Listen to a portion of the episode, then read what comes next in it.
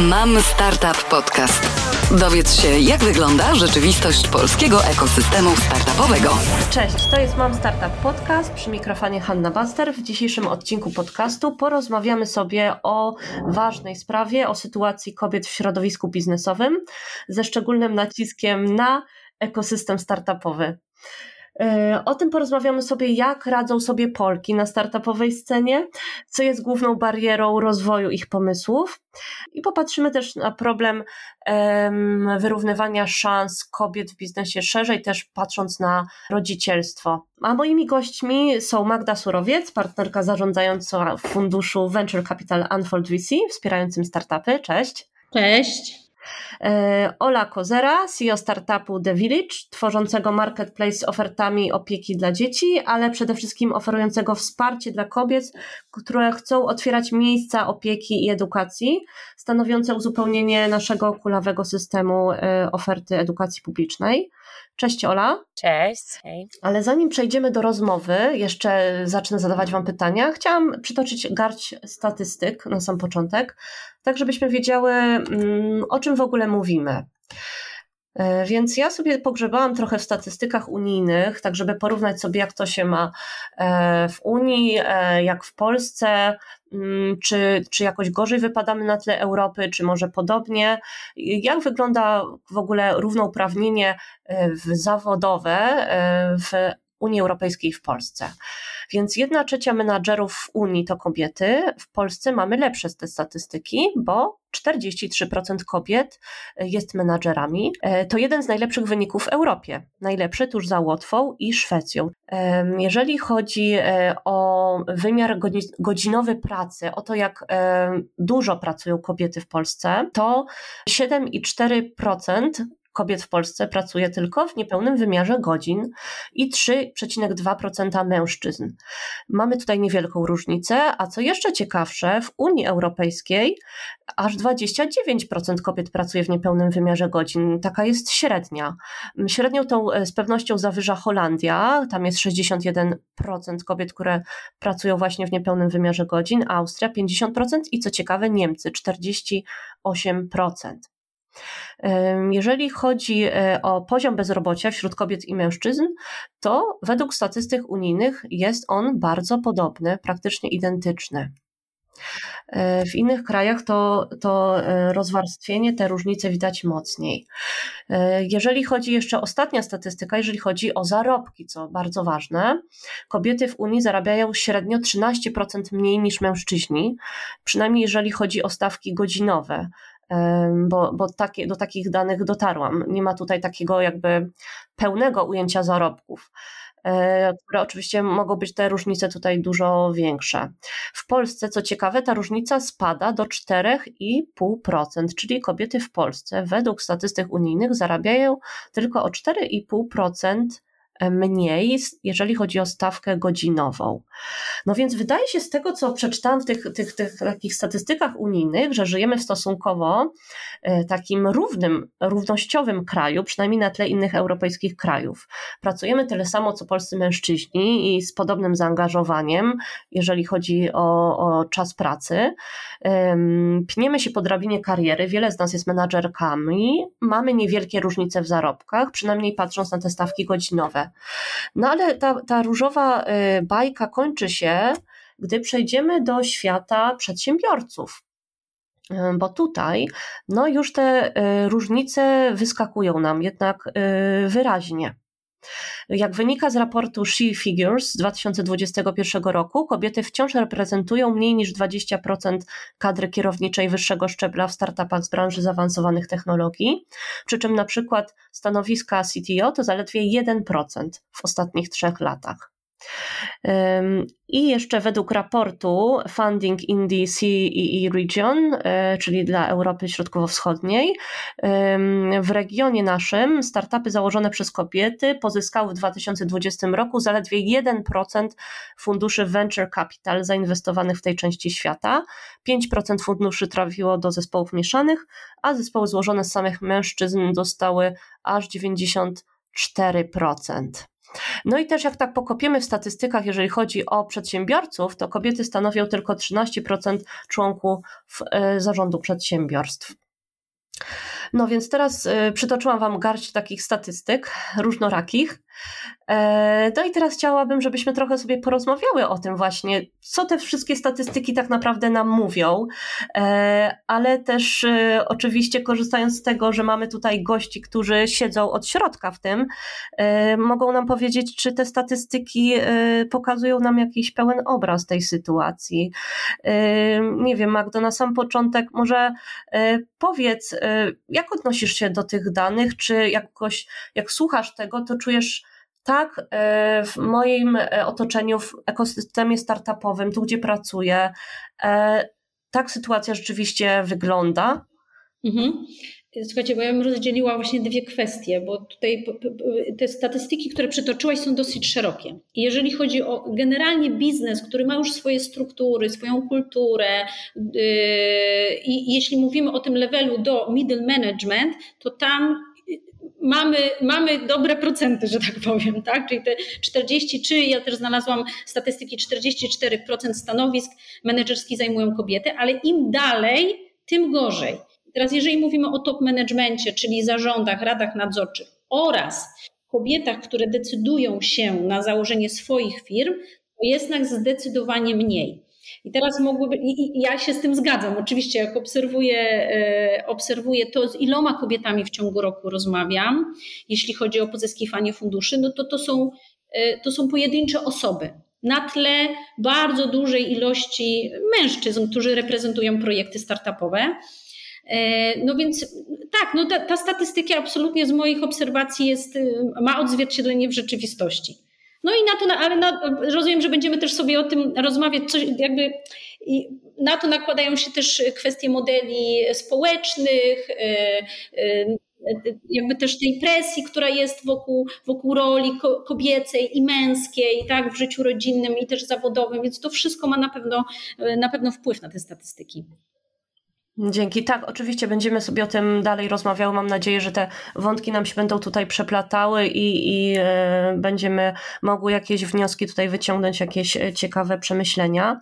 Powiedz jeszcze, Magda, e, może o swoim doświadczeniu, no bo ty jesteś właśnie tą z nielicznych kobiet, tych statystykach, e, patrząc na statystyki, no to jesteś właśnie jedną z tych kilku procent, którym się udało, która jest w zarządzie. Powiedz o swojej drodze kariery, czy to było trudne? Jak, jak to wyglądało w ogóle? Jak doszłaś do tego, gdzie jesteś? Dobrze, to może tak. Ja, w ogóle większość mojego życia zawodowego, bo 15 lat spędziłam w jednej firmie. I na tamte czasy to był swoisty startup, bo to była agencja reklamowa, ale digitalowa.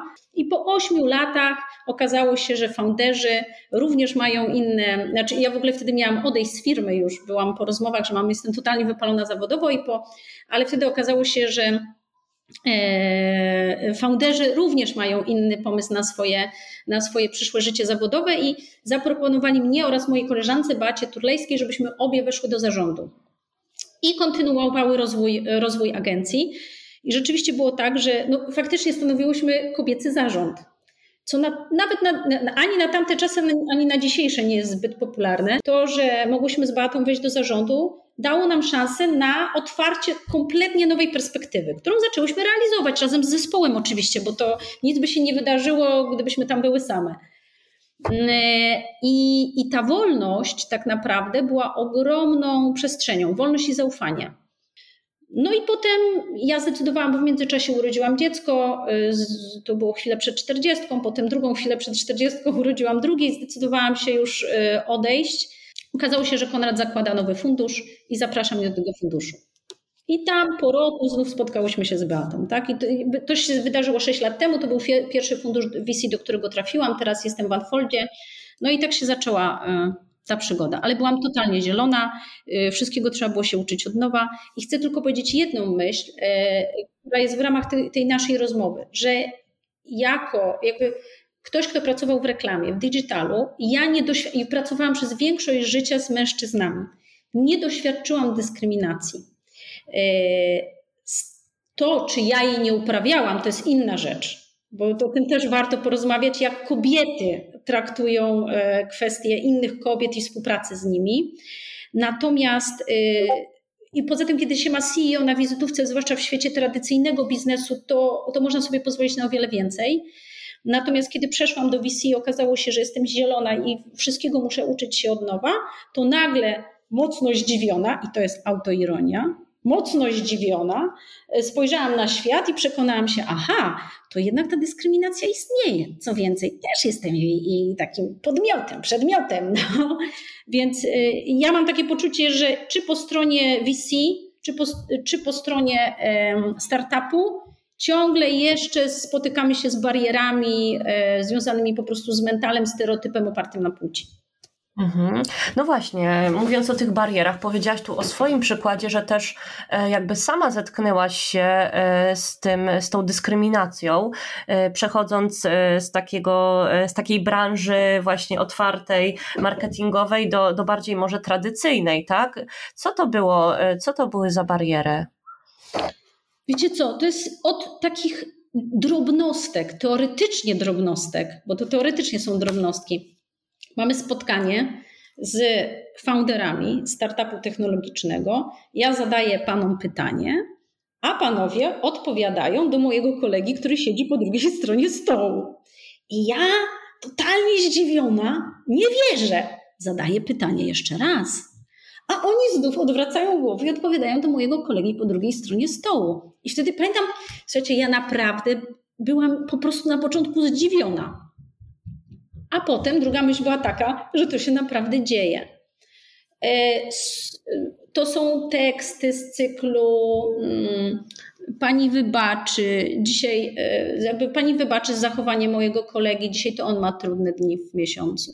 E, takie teksty też się pojawiały. Wiecie co, jak ja czasami rozmawiam z mężczyznami o tej kwestii równouprawnienia i, i, i tych stereotypów, to oni sami zwracają mi uwagę na to, że oni czasami naprawdę nie zdają sobie sprawy. Oczywiście ja wtedy powiadam, stary, jesteś dorosły, to są trochę inne czasy, trzeba się zreflektować, nauczyć się troszkę innych już norm, tak, wejść w te normy, ale oni mi mówią, że oni potrzebują feedbacku też, e, takiego, takiej asertywności z naszej strony, żeby powiedzieć, no to nie jest okej. Okay Olu, dziękuję Ci Magda bardzo za odpowiedź. E, teraz chciałam poprosić Ole o podzielenie się swoimi e, doświadczeniami, ale Olu, na sam początek powiedz mi taką ogólną rzecz. Jak Ty dostrzegasz kwestię równouprawnienia w ekosystemie startupowym? Jak Ty to widzisz? Czy, czy jest tu jakiś problem, czy nie ma? Ciężko powiedzieć, że nie ma problemu, jak e, poniżej 3% startupów na świecie mm, to jest female funded startups, więc tak jakby jeżeli ktoś uważa, że po prostu 97% mężczyzn jest bardziej inteligentnych i capable, przepraszam, tak jakby mają umiejętności do tego, żeby założyć te startupy, no to to jest po prostu ja, przepraszam, ja dzisiaj będę bardzo szczera, to jest urojenie, bo tak nie jest, tak? Kobiety są e, dużo bardziej wykształcone, czy widzimy wszystkie statystyki, że kobiety mają Więcej kobiet ma, radzi sobie super e, w edukacji, ma więcej dyplomów. E, mamy bardzo twarde statystyki pokazujące przez super firmy konsultingowe, że kobiety w zarządach powodują, że firmy po prostu mają lepsze zwroty z inwestycji. Problem jest olbrzymi. Jeżeli mówimy nie o, nawet zobaczcie, że nawet gdybyśmy mówili o sytuacji, kiedy byłoby 20% versus 80%, 3% wobec 70%, ale 3 versus 97, no to to jest jakiś skandal w, w, świecie całego biznesu. Tak? Nie wiem dokładnie, jak wyglądają te, te, statystyki w Polsce. Ja znam jeszcze jedną dziewczynę z Hero Wi-Fi, która jest CEO i założycielką startupu, jeszcze w KAI. E, więc jest nas, jest nas bardzo, bardzo mało i ten problem jest olbrzymi. Natomiast wiecie, z jednej strony możemy sobie mówić o jakichś technicznych sposobach rozwiązaniu problemu na samym szczycie góry lodowej. Tak naprawdę musimy sobie, no chyba zdajemy sobie sprawę, tak, że to, kto zasiada w zarządach e, spółek VC, kto jest CEO startupów fundowanych przez, e, przez fundusze Venture Capital, no to jest naprawdę creme de la creme. No to już jest śmietanka e, bardzo uprzywilejowanych ludzi na świecie z bardzo wysoką edukacją, białych osób, tak, więc oczywiście jest tutaj też ogromna dyskryminacja rasowa żyjemy w bardzo, bardzo patriarchalnym społeczeństwie. I dla mnie tak naprawdę to trochę nie jest tylko o tym. Oczywiście ja, ja też wierzę w takie środki, um, powiedziałabym, plastry, tak? Czyli na przykład e, parytety w, e, w, gdziekolwiek się da właściwie parytety, póki, póki ta sytuacja się nie naprawi, samych fundamentów, bo jeśli mówimy o fundamentach, to mówimy o wszystkim tak naprawdę. Mówimy o reklamach, o mediach, o tym, w jaki sposób seksualizowane są kobiety, mówimy o wychowaniu dziewczynek, mówimy o reprezentacji w szkołach, w tym, na stanowiskach dyrektorskich, w szpitalach. No, mamy mnóstwo filmów, sztuki, które pokazują, jak ta dyskryminacja zachodzi po prostu na mhm. każdym etapie naszego życia. Więc problem jest i jest olbrzymi jeśli ja mogę. Czyli Twoim zdaniem trzeba by zacząć tutaj pracę zupełnie od podstaw, od, od edukacji dziewczynek, już, już właśnie zaczynać tę zmianę od najmłodszych lat, tak? Znaczy, no, ja nie uważam, tak jak jeszcze raz powiem, nie uważam, że te zmiany na szczycie tej góry lodowej są niepotrzebne, tak? Bo um, uważam, że powinniśmy działać na wielu różnych frontach jeżeli mamy wojnę z patriarchatem, e, a tak przynajmniej ja jestem po tej stronie takiego bardzo aktywnego feminizmu, no to myślę, że każda z nas ma różne zasoby, każda z nas inaczej podchodzi do tego feminizmu i ta różnorodność jest fantastyczna. Każda z nas ma również różne, różne doświadczenie i różne podejście i różne wartości. Więc to jest super, żeby jedna, e, czyli mężczy, mężczyźni są bardzo, bardzo w tej walce potrzebni, tak? Bez mężczyzn my tak naprawdę nie jesteśmy w stanie sobie tego, tej drogi wytorować, no bo to oni są grupą e, władzy tak naprawdę. VC jest o dostępie do kapitału, a czym jest dostęp do kapitału? Władzą. Więc, e, więc my potrzebujemy jednocześnie pewnie fundacji, działaczek i, i, działaczy, którzy działają z dziewczynkami na uniwersytetach, e, z rodzicami o tym, jak wychowujemy dziewczynki, kont na Instagramie, tak, jest jak wychowywać dziewczynki, publikacji książkowych i jednocześnie potrzebujemy reprezentantek na najwyższych szczeblach e, funduszy VC, potrzebujemy takich rozmów, jak dzisiaj się odbywa, potrzebujemy, żeby mężczyźni rozmów, bo pytanie jest, jest nas tutaj trzy kobiety, ilu facetów posłucha tego podcastu, tak? Do kogo my nagrywamy te wiadomości? Więc to jest strasznie ważne, żebyśmy robiły po prostu bardzo dużo rzeczy na różnych frontach. Tak. Słuchajcie, ja bym bardzo chciała, jeśli mogę, Ola, y, uzupełniając to, co powiedziałaś, bo absolutnie 100% racji. I ja myślę, że jeszcze jest bardzo jeden ważny aspekt, to jest edukacja chłopców. Bo, bo to jest tak, że zmienia się model, takie pode- rola społeczna kobiety i mężczyzny. mężczyzny. I, o, i wierzę w to, że to się już dzieje, jeśli chodzi o kobiety. Oczywiście musimy to kontynuować i musimy wkładać w to naprawdę z każdej strony, tak jak powiedziałaś Ola, wysiłek taki edukacyjny, żeby ten proces ruszył w jeszcze większym tempie. Natomiast mam poczucie, że edukacja chłopców musi iść równolegle absolutnie, żeby oni też potrafili się w tym odnaleźć, bo wiecie, ja mam też takie obserwacje, nawet y, ze szkoły, z przedszkola, że mam poczucie, że y, y, jesteśmy w stanie coraz więcej odwagi i, i odwagi dawać dziewczynkom, natomiast chłopcy jeszcze jakby zostają w tych starych trybach. Oczywiście jest już większe, coraz większe otwarcie na kwestie emocjonalności, tego, że nie musisz być tym jedynym, który utrzymuje rodzinę, że ty nie musisz być tą jedyną opoką i tak dalej, i tak dalej, ale jeszcze wydaje mi się, że to jest, jeszcze jest to skostniałe, więc absolutnie podpisuję się po tym, co powiedziała Ola i dodałabym jeszcze tą kwestię wychowania chłopców. Natomiast chcę Wam tylko powiedzieć, że ja wiem, że to są tylko jakieś takie drobnostki, ale ja staram się je dostrzegać w otoczeniu, że ten proces rusza. Ostatnio byłam na rozmowie rekrutacyjnej dwóch panów i oni zaczęli od tego, że oni mają małe dziecko i mają podobne wyzwania. I, i, I w jakiś sposób to też jest niezwykłe, bo ja wcześniej nie miałam do czynienia z taką rozmową rekrutacyjną, żeby dwóch mężczyzn zaczęło od swojej kwestii rodzinnej i tego, że dla nich ta, bycie tatą też jest wyzwaniem. I jakby i obcowanie z małym czy młodym człowiekiem w domu, tak? Więc to są takie y, małe punkty, które ja widzę, ale oczywiście jest ich za mało, tak? Bo to, co powiedziała Ola, 3% to jest, to jest mhm. masakra ciągle. E, jeszcze ja tutaj e, chciałam tylko e, dodać jedną rzecz, bo tak jak tu już całą paletę tych, tych potencjalnych pomysłów poruszamy, to też e, zastanawiałam się nad tym, no, na ile to, kiedy kobieta ma pierwsze dziecko, też tutaj ją jakoś ustawia i myślę, że idziemy też w bardzo dobrym kierunku przez to, że kobiety mają po prostu później te dzieci, y, bo no nie wiem, jak, jak na to patrzycie, ale, ale tak z mojego punktu widzenia, to mężczyzna raczej jak ma 25 lat nie zakłada rodziny, tylko raczej jak ma 35 albo 40, no bo właśnie musi wcześniej rozwinąć sobie karierę. Ja, ja, ja się z tym akurat bardzo nie zgadzam. Tak jakby to nie powinno decydować o tym, kiedy dziecko, kobieta ma dziecko, tylko jaki mamy system wsparcia, bo ona 86% ludzi w ogóle w Europie e, ma dzieci na jakimś etapie swojego życia. Więc wątpię, żeby, no okej, okay, ja pozyskałam swoją pierwszą rundę finansowania, jak miałam 29 lat chyba, tak? To jest, to jest dość wcześnie, tak? I, I tak to dziecko się pojawia dla większości z nas. I czy to jest na dwa lata po e, wejściu na ścieżkę, nie wiem, VC, czy w jakimś etapie, jak e, staram się zostać menadżerką swojej firmy, to nie ma znaczenia, bo w Polsce nadal 99% urlopów rodzicielskich to są kobiety. Więc dopóki nie będziemy mieli e, parytetu też przymusowych urlopów mężczyzn. I uwierzcie mi dziewczyny, ja, ja jestem, oczywiście bardzo dużo się zmienia i ja też chciałam bardzo podkreślić, że mężczyźni również są ogromnymi, ogrom, znaczy są ofiarami tego systemu patriarchalnego i na nich jest ogromna e, presja. I dużo się zmienia w związkach, jakie my prowadzimy, związku, który na przykład romantycznym, który ja mam, to jednak w liberalnej Warszawie, czyli mojej bańce powiedzmy, ta dysproporcja obowiązków w opiece nad dziećmi nadal jest olbrzymia.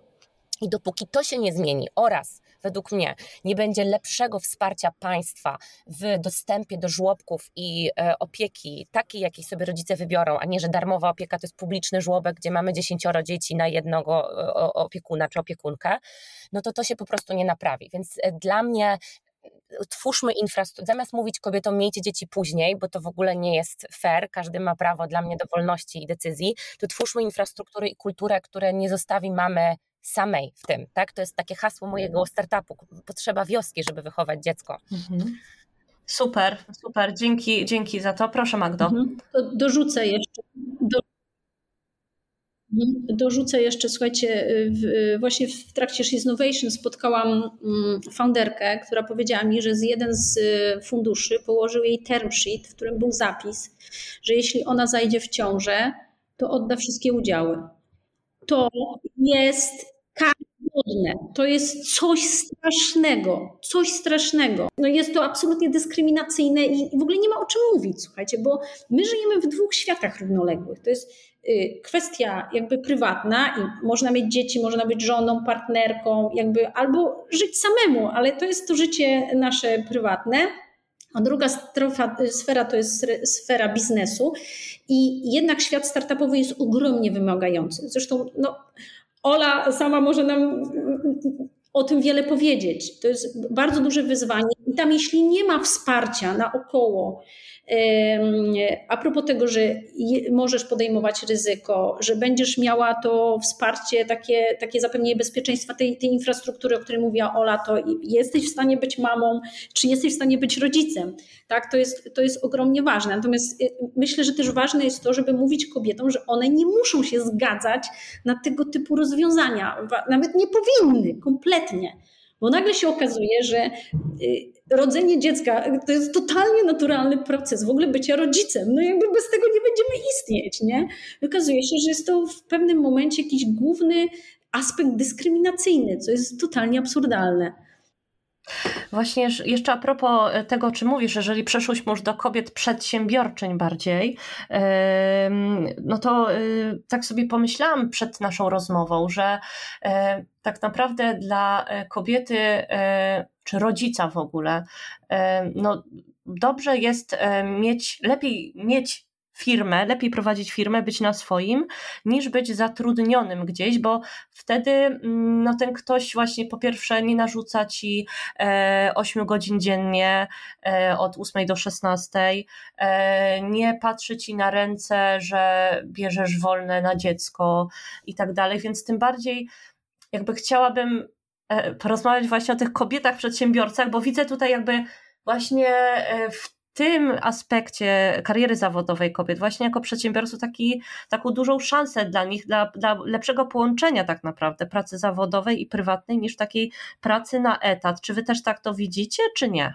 Są bardzo różne etapy, modele przedsiębiorczości, tak? Mamy mikroprzedsiębiorczość, ktoś może produkować, nie wiem, kartki na święta, ktoś może tą przedsiębiorczość traktować jako, e, więc jako, nie wiem, właśnie e-commerce. Mam przyjaciółkę, która z, sukcesem naprawdę y, pracuje tak jak Tim Ferriss założył 4 godziny w tygodniu i, pracuje w e-commerce, więc ta przedsiębiorczość ma bardzo różne e, takie o, twarze. Natomiast jeśli mówimy o VC-backed startup, to nie, uwaga, jeśli ktoś myśli, że tam jest jakiś e, work-life balance, e, to, to jest bardzo, bardzo, bardzo trudne. Ja jest, dzwonię do Was z urlopu, bo zaczynam ośmiotygodniowy mm, urlop zdrowotny właśnie ze względu na zdrowie psychiczne, bo jest to po prostu strasznie trudne. Ja, to co ja przeżyłam od ostatniej rundy, cały czas e, starając się połączyć rolę mamy dwójki malutkich chłopców, gdzieś tam z tym, że no ja, wiecie, jak się posłucha wywiadów z wieloma founderami, to jest tak, że bardzo dziękują swoim partnerkom, bo to one jednak trzymają bardzo często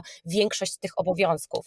Natomiast um, ja bym powiedziała, że mi jest, ok, ja biorę sobie urlop, nie tak jak wielu founderów, natomiast zawsze jak moje dziecko jest chore, to dzwonię po nianie, e, nie wiem, jakoś ogarniam pracę z domu z chorym dzieckiem. Jestem jednym z tych małżeństw, które uważam, że się dzielimy pół na pół. Natomiast y, mój mąż też ma i pracę na etat, i swoją firmę, i jeszcze mamy jedną firmę, swoją wioskę na pół, także żadne z nas sobie nie może pozwolić na to, żeby nagle dziecko ma, nie wiem, kaszel i my odwołujemy wszystkie swoje kole i wszystko zostajemy w domu. To w ogóle nie, nie no to, tak jakby, może, może ja tak mam, ale nie wiem, czy tutaj Magda się zgodzisz, że to jest raczej trudne, bo tak to dzwonisz L4, nie ma mnie, nie? Na umowie o pracę, więc na pewno jest to czasami i myślę, że też z tego powodu kobiety bardzo często nie decydują się nie zakładać firm. I ile razy ja słyszę, ja zatrudniam głównie kobiety i w wioskach pracują głównie kobiety, umowa o pracę. I ja się im w ogóle nie dziwię, tak? No bo po prostu, jeżeli one, to co, mąż pójdzie na, na L4, bo dziecko jest chore? No nie, no mamy taki system kulturowy, że jakoś jego praca zazwyczaj jest ważniejsza, czy jego projekty są ważniejsze, więc to na kobiety spada ten ciężar i wolą mieć umowę o pracę. Y, no, słuchajcie, no, ja nie będę tutaj wyjątkowa w swoim doświadczeniu. Kiedy przeszłam do VC, jeden miał 3 lata, drugi miał roczek. I y, to był najcięższy okres w moim życiu, a to był taki etap rzeczywiście, że ja byłam wtedy single mom i wydawało mi się, że ja to ogarnę bez opiekunki. ja teraz się z tego śmieję, ale wtedy to, to, no, naprawdę bardzo, bardzo ciężki okres, więc, więc to jest bardzo wymagające, bardzo wymagające. Słuchajcie, y, ostatnio czytałam artykuł kilka tygodni temu o różnicach w rozwoju kariery między kobietami a mężczyznami. Bodajże artykuł z The Times, ale głowy nie dam sobie uciąć. Mówił o tym, że kobiety charakteryzuje tak zwany sprint po karierę przed 30, w ogóle przed urodzeniem dziecka, że chcą jak najdalej dojść, żeby mieć to poczucie bezpieczeństwa, o którym powiedziała Ola, tak? Czyli stabilna praca, już stanowisko na odpowiednim poziomie i, i płaca, tak? I też zaspokojone pewne ambicje, bo okazuje się, że potem po urodzeniu z tym jest coraz ciężej. To znaczy, z jednej strony pewnie zmniejsza się jest to pewnie też osobnicze, ale skłonność do ryzyka jest mniejsza, też ze względu na ten system kulturowy, w którym funkcjonujemy. Dwa, no jest tutaj zauważalna też dyskryminacja w kontekście potem y, awansów. Natomiast u mężczyzn y, rozwój tej kariery jest później kiedy oni stają się ojcami, postrzega się jako, ich jako tych bardziej zrównoważonych, bardziej dojrzałych, tak, i, i jakby kariera im zaczyna kwitnąć. Ja tu mówię oczywiście, może tak, generalizuję też, natomiast, natomiast zmiany kulturowe są po prostu dla mnie absolutną podstawą, tak? bo to się zaczyna od naszych domów, to się zaczyna od naszych rodzin, natomiast musimy się liczyć z tym, tak jak powiedziała Ola, że nawet jeśli funkcjonujemy w związkach, bo ja też takim jestem, gdzie jest tutaj absolutnie partnerskie podejście, to łączenie tego życia rodzinnego z e, biznesem własnym, a zwłaszcza startupowym jest po prostu ogromnym wyzwaniem. I tutaj trzeba się e, obudować wsparciem z każdej strony, jak dla mnie, tak? Bo, bo bo to po prostu jest ciężkie. To jest wyzwanie, bardzo satysfakcjonujące, kiedy w końcu możemy poczuć oddech, ale też trudne. Ale popatrzcie, no właśnie cały czas dochodzimy do tego problemu, że dla kobiety startupowca to jest bardzo trudne, musimy się obudować e, pomocą niani, rodziny, e, dziadków tak dalej, a mężczyźni startupowcy dziękują swoim partnerkom, więc naprawdę no, chcę podkreślić tutaj w tej audycji, że naprawdę potrzebna jest ta zmiana podejścia do tego, że jest ta przestrzeń, że możemy dzielić się tymi obowiązkami jeżeli chodzi o dzieci, i po prostu wtedy będzie łatwiej kobietom też prowadzić e, własne biznesy. I Olu, chciałam jeszcze na sam koniec, żebyś e, opowiedziała mm, o swoich doświadczeniach trudnych e, w pozyskiwaniu funduszy, o, o byciu startupowcem, który szuka funduszy. Jeszcze dodam tylko, że cały skład waszego zespołu, jeżeli dobrze pamiętam, to kobiet. Nie, już teraz nie. to się zmieniło. Ja po, ja po ostatniej rundzie seedowej zdecydowałam się na przyjęcie late co-foundera. Ostatnią rundę wywalczyłam sama, Mata jeszcze nie było e, i to była spora runda seedowa jak na polskie warunki, na pewno na tym etapie przychodów.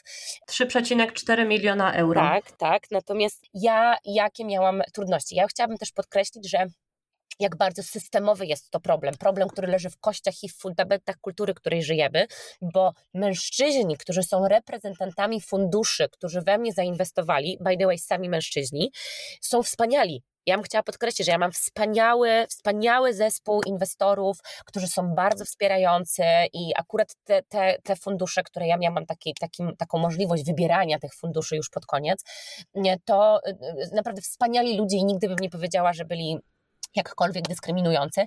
Natomiast no tak, no pojawiły się takie pytania, tak, to już ja, ja mówiłam w Mam Startup w wywiadzie kilka razy, że, że no na przykład, czy mój mąż wie o tym, że ja idę po VC, e, po, po, fundusze z VC, no bo to wiadomo chyba, nie wiem, zabierze mnie od garów, nie, nie wiem co, albo, albo czy jak ja, czajcie, to w ogóle takie pytanie, które dla tego pana, który mnie zadawał, było bardzo normalne. Znaczy nie krępował, nie krępował się go zadawać. Nie, nie. Albo na przykład, że pytanie, pytanie jak ja zamierzam pogodzić e, rolę żony i matki z rolą CEO?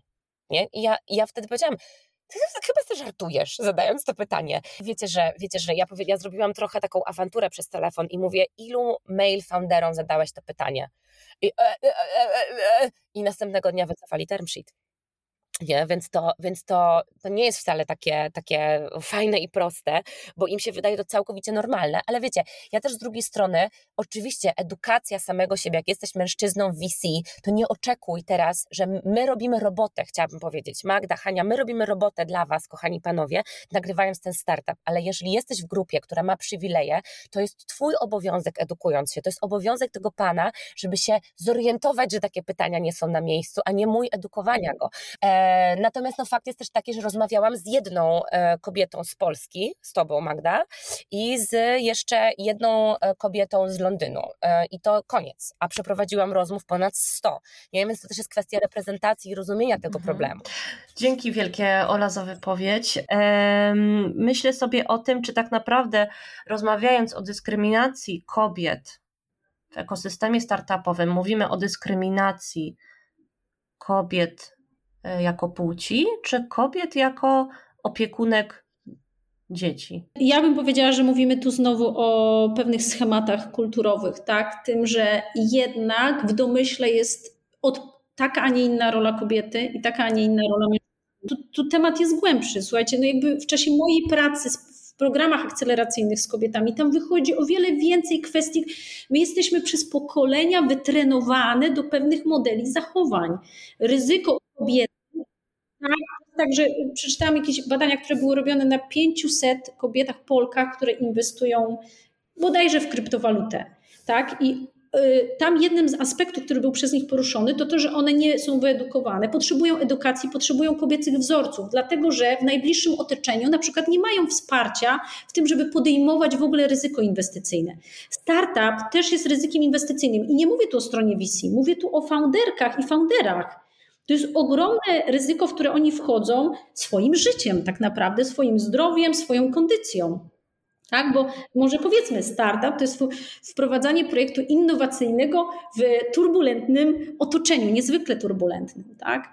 Więc y, te schematy myślowe, w których my funkcjonujemy, one po prostu mają ciągle bardzo duże znaczenie i też dla nas samych, dla kobiet, czy my się wspieramy na przykład. Dzięki, dzięki. Olu, chcesz coś dodać jeszcze a propos tych właśnie tutaj barier? E, tak, bo myślę, że to jest, wiecie, ja prowadzę taki startup, może jesteśmy trochę na innym etapie życiowym, więc dzisiaj rozmowa była o tym, bo te dzieci są ogromne, ogromnie dużym, dużą kwestią, nie chcę nazywać problemu, są też fantastyczne, natomiast zapominamy o, wspominać o ogromnym problemie e, seksualizowania kobiet, młodych szczególnie przed trzydziestką i i to jest ogromny problem, bo też te, my, ja też jestem trochę na takim etapie, że ja już sobie nie pozwolę, nie? Od, odpysknę albo odpowiem. Natomiast jak miałam 22 lata i pan na spotkaniu biznesowym nazwał mnie brzoskwinką, całując mnie w rękę, to ja nie wiedziałam, co ja mam powiedzieć ja nie wiem, co ja mam wtedy. Jak ja miałam 22 lata, a typ ma 45 i jest poważanym facetem o dużej ilości tam stat, jakichś statusów i dyplomów i tak dalej, no to ja naprawdę, więc panowie, tak jakby absolutnie nie, tak? I kobieta ma prawo wyglądać tak, jak ma w ogóle ochotę i nie musi się ubierać po męsku i udawać mężczyzny, żeby być szanowana i żeby zakładać, że jesteśmy w rozmowie i środowisku profesjonalnym. Więc tych problemów jest bardzo, bardzo dużo, ale myślę, że to jest też bardzo duży problem. Ja mam taki apel, jeżeli słuchają nas kobiety w różnych etapach swojej kariery, reagujmy na to, bo bardzo często jest tak, że chcemy być wyluzowane, śmieszne, pojawia się seksistowski żart i jest ha, i wszyscy ich... Nie, koniec, stawiajmy granice, mówmy, że to jest, jeżeli widzimy, że koleżanka na przykład nie ma zasobów dzisiaj, żeby postawić tą granicę, to pomagajmy sobie nawzajem, mówmy facetom, to nie jest śmieszne. Ja tu chciałam uderzyć w siebie, o, tak, to taka autorefleksja, słuchajcie, od której, y, bo ja o tym wspomniałam na samym początku i chciałabym jednak to dopowiedzieć, że kiedy przeszłam na stronę VC i doświadczyłam, że tutaj ta płeć też ma znaczenie, to zaczęłam y, zastanawiać się, czy ja nie miałam zachowań dyskryminacyjnych wobec kobiet. Jako, y, jako CEO, czy jako no, no generalnie na jakimkolwiek stanowisku liderskim. I wiecie co? I bardzo mocno zdałam sobie z tego sprawy, sprawę, że owszem miałam. Na przykład jakie? E, z czym nadal się spotykam u innych kobiet, e, głoszenie takich tez. Ja wolę pracować z facetami. Dlaczego? No wiadomo, konkretni, dobre poczucie humoru, do brzegu. I słuchajcie, ja, takie, ja, ja e, miałam takie tezy przez lata, dopóki się nie okazało, że jak przyszło mi zakładać zespół project managerów, to zrekrutowałam pięć kobiet na sześć osób. Y, absolutnie musiałam zrewidować swoje podejście. Natomiast ja z takimi, y, y, nie wiem jak to powiedzieć, statementami do tej pory się spotykam. Kiedy kobiety, z którymi na przykład mamy, mam warsztaty, mówią, no ale mnie się lepiej pracuje z facetami. Natomiast tam jest więcej, dlaczego się tak naprawdę pracuje z facetami, to tam jest, to, to jest głębszy temat, tak? E, I często związany po prostu z tym, że jest to dla, dla nas jako kobiet też wyróżnienie, że zostałyśmy zaakceptowane przez męskie grono. Ale to już jest temat rzeka. To, to, więc tak, absolutnie uważam, że autorefleksja jest bardzo ważna i, i, i, i, i trzeba zaczynać też od siebie i od reakcji. Dzięki wielkie za obecność. Magda Surowiec, partnerka zarządzająca funduszu Unfold VC. Dzięki ogromne. Oraz y, Ola Kozera, CEO startupu The Village. Dzięki wielkie za obecność. Dziękujemy bardzo.